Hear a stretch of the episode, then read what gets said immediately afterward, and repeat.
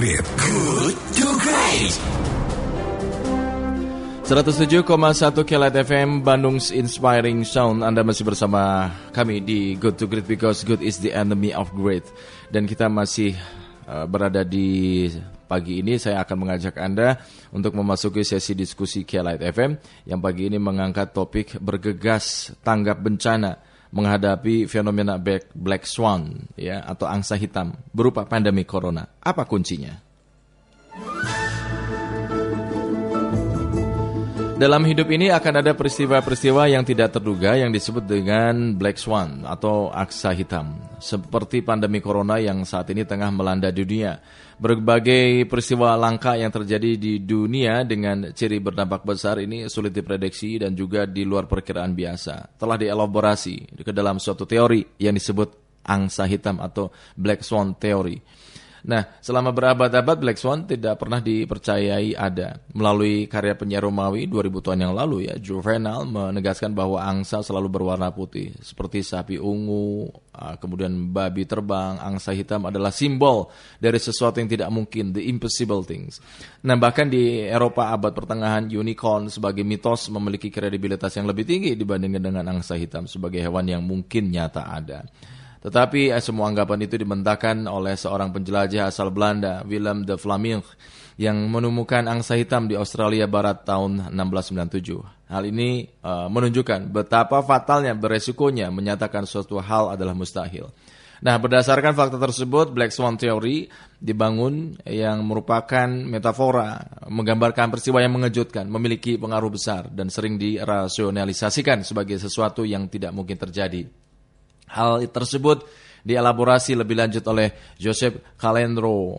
Joseph Calendro Junior dalam jurnalnya yang berjudul A Leader's Guide to Strategic Risk Management pada tahun 2015. Ia menjelaskan bahwa organisasi masih berkutat dalam mengelola knowable risk, tetapi sering mengalami kesulitan saat harus menghadapi peristiwa atau ancaman yang tidak seperti biasanya. Nah terkait ini kita pun seolah menyaksikannya sekarang. Pandemi Corona, bug, Black Swan yang sebelumnya tak pernah terbayangkan akan demikian dahsyat dampaknya. Wabah yang telah membunuh lebih dari 5.000 sampai dengan sekarang ini dan menguncang negara-negara di dunia termasuk kita, Indonesia. Terkait ini, seolah kita tidak memiliki kesiapan dalam strategic risk management. Sehingga seperti yang kita lihat, tanpa menafikan berbagai upaya yang telah dilakukan, pemerintah tampak gagap dan gugup menghadapi corona. Kita baru repot manakala kasus pasien positif corona bertambah hingga 172 kasus hingga saat ini. Hal itu juga diperparah dengan lemahnya komunikasi dan koordinasi antara pemerintah daerah dan pusat. Lantas, ketika dalam hidup ini akan ada peristiwa-peristiwa tidak terduga yang disebut dengan uh, Black Swan Theory tadi, seperti pandemi corona yang saat ini tengah melanda global, bagaimana strategic risk management kita, apa kunci utama ketika kita ingin bergegas tanggap bencana. Kami yang mengajak Anda untuk mendiskusikan hal tersebut dengan narasumber kita, seorang ekonom dan pengajar di Unika Atmajaya Jakarta, Bapak A. Prasetyantoko. Pak Pras. Selamat pagi Pak Pras. Selamat pagi. Apa kabar Pak Pras? Baik, sehat, terima kasih. Alhamdulillah sehat. Pak Pras, layaknya Black Swan, pandemi corona ini kan melanda dunia sekarang. Betul-betul dampaknya besar, luar biasa, sulit diprediksi, di luar perkiraan biasa. Nah, Pak Pras, menurut Anda bagaimana reaksi kunci untuk menghadapi fenomena yang disebut Black Swan ini, khususnya dalam perekonomian kita gitu Pak Pras? Ya pertama tentu memitigasi masalah ya, karena tidak ada satu orang pun yang punya pengalaman untuk menangani persoalan sebesar ini gitu. Hmm. Seorang sejarawan itu bilang ini adalah peristiwa terburuk paling tidak sejak 100 tahun terakhir. Jadi tidak ada satu pemerintah pun, tidak ada satu institusi pun, tidak ada satu orang pun yang pernah mengalami ini. Sehingga ini pengalaman baru, sehingga konsentrasikan pada memitigasi masalah. Artinya persoalan dua hal itu safety dan healthy itu harus menjadi fokus dari kebijakan ekonomi.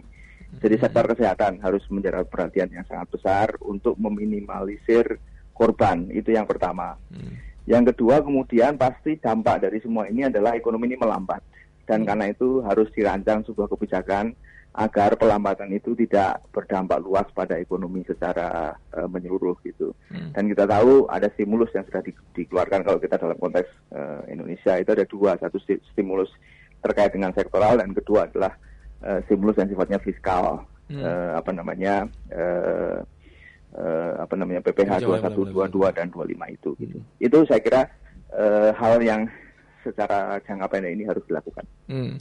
Nah, kalau fenomena black swan ini tidak mampu diantisipasi oleh industri keuangan Amerika sehingga meruntuhkan Enron, kemudian menyeret krisis ekonomi tahun 2008 lalu ya, apakah menurut Anda perekonomian kita juga memiliki kesiapan strategic risk management, Pak uh, Pras?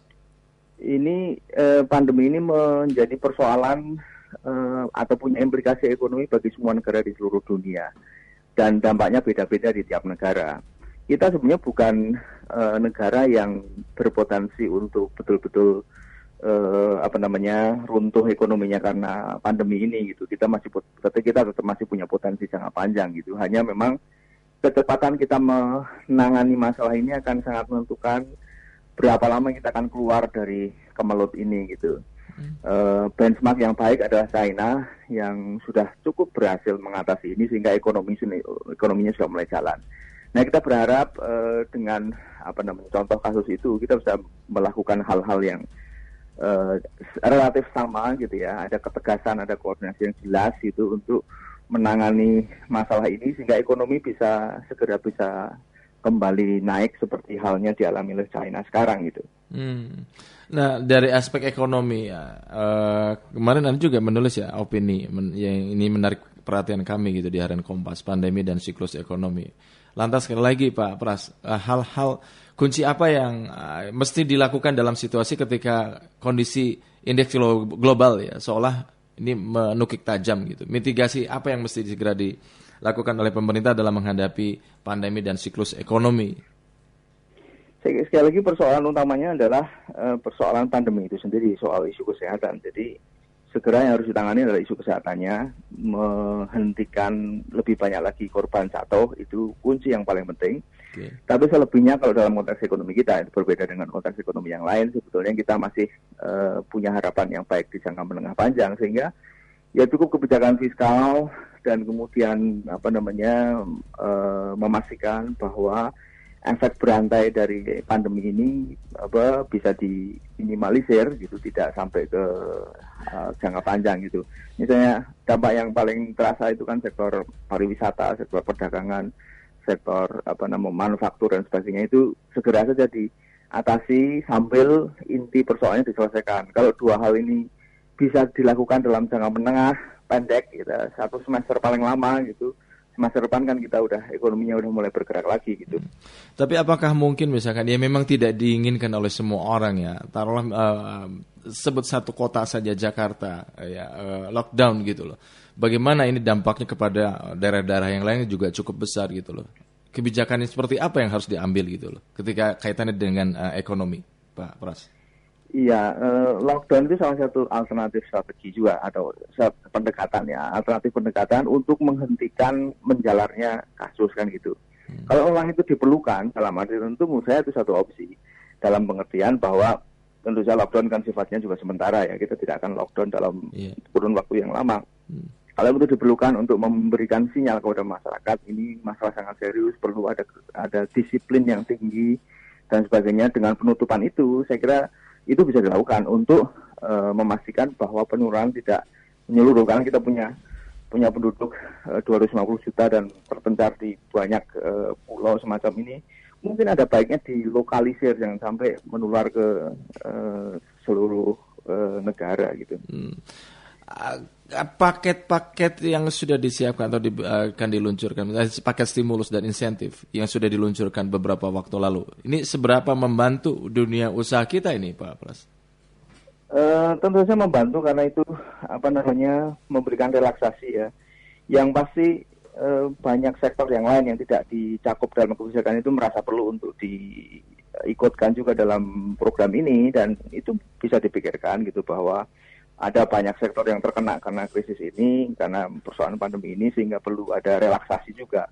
Dan saya kira kan um, semalam misalnya Pak Wimbo OJK mengatakan sudah ada relaksasi tentang apa namanya kredit ya restrukturisasi, kredit kapan dia macet segala macam hmm. sudah di relaksasi aturannya. Saya kira ini kan berlaku untuk semua sektor industri, tidak hanya di satu dua sektor industri saja. Gitu. Hmm, tapi apakah itu cukup mengingat misalkan contoh kemarin saya uh, ngobrol-ngobrol dengan teman-teman Asita di Provinsi Jawa Barat, itu bahkan sekarang sudah mendekati 0% gitu loh dampaknya kepada industri. Iya, pasti. Jadi uh, potensi untuk tumbuh negatif pun ada ya di sektor tertentu, di kurun waktu tertentu gitu. Hmm. Sekali lagi kan ini esensinya karena kita belum mencapai puncak dalam pengertian sebagai siklus apa namanya pandemi kita belum tahu ada puncaknya di mana gitu. Hmm. Sebenarnya kalau kita tahu puncaknya di mana dan kemudian penularan sudah mulai berkurang dan korban mulai sembuh dan siklusnya turun itu sebetulnya ekonomi bisa digerakkan lagi gitu. Tapi kalau sekarang ya memang semua konsentrasi pada isu safety dan healthy itu. Hmm. Hmm. Iya, nah yang ini ini ini terakhir Pak uh, Pras. Pemerintah ini kan melalui BNPB ya, Badan Nasional Penanggulangan Bencana ini memperpanjang masa darurat bencana ya. wabah penyakit ini virus corona di Indonesia. Selain itu sekarang juga pasien terus bertambah ya. Terakhir data terakhir Selasa kemarin 172 uh, kasus gitu loh. Bagaimana mesti upaya yang yang harus kita lakukan supaya kita bergegas dan berkoordinasi dalam kedaruratan ini? Mengingat tadi misalkan kita melihat sampai uh, sampai tanggal 29 kalau nggak salah Mei diperpanjang gitu loh. Betul. Bagaimana ini dampaknya ketika ini kan juga cukup lama ini uh, Pak Pras? Iya, uh, itu menunjukkan bahwa memang pemerintah memerlukan waktu cukup lama gitu ya untuk uh, membereskan persoalan ini. Jadi ya ini kalau kita sekarang korban sebenarnya udah 227 per kemarin ya. Yeah. Dan itu berpotensi untuk tambah terus dan kita belum tahu uh, sampai seberapa besar jumlah uh, yang terpapar dengan virus corona ini gitu. Hmm. Jadi itu uh, harus menjadi konsentrasi utama dan saya kira sudah betul bahwa ada uh, apa namanya koordinasi nasional yang di bawah uh, BNPB ini. Ini perlu sebuah komando yang sangat tegas gitu ya untuk memastikan sekali lagi penularan, penularan itu tidak meluas. Karena semakin meluas itu semakin lama waktu yang diperlukan dan semakin sulit untuk segera diselesaikan dan itu me, mempengaruhi lebih lama dan lebih luas sektor ekonomi yang akan kena dampak. Gitu. Jadi satu-satunya cara untuk menghindarkan kita tuh terkena apa siklus uh, terlalu panjang karena pandemi ini adalah menyelesaikan pandemi itu sendiri gitu. Hmm, baik, baik. Pak Pras, terima kasih Pak Pras atas waktu Anda pagi ini kita bincang-bincang. Okay. Selamat pagi. Terima kasih. Sukses untuk Anda. Selamat pagi. Ya, demikian sahabat kelet A Pras Setiantoko atau Pak Pras, ekonom dan juga pengajar dari Unika Atma Jaya Jakarta.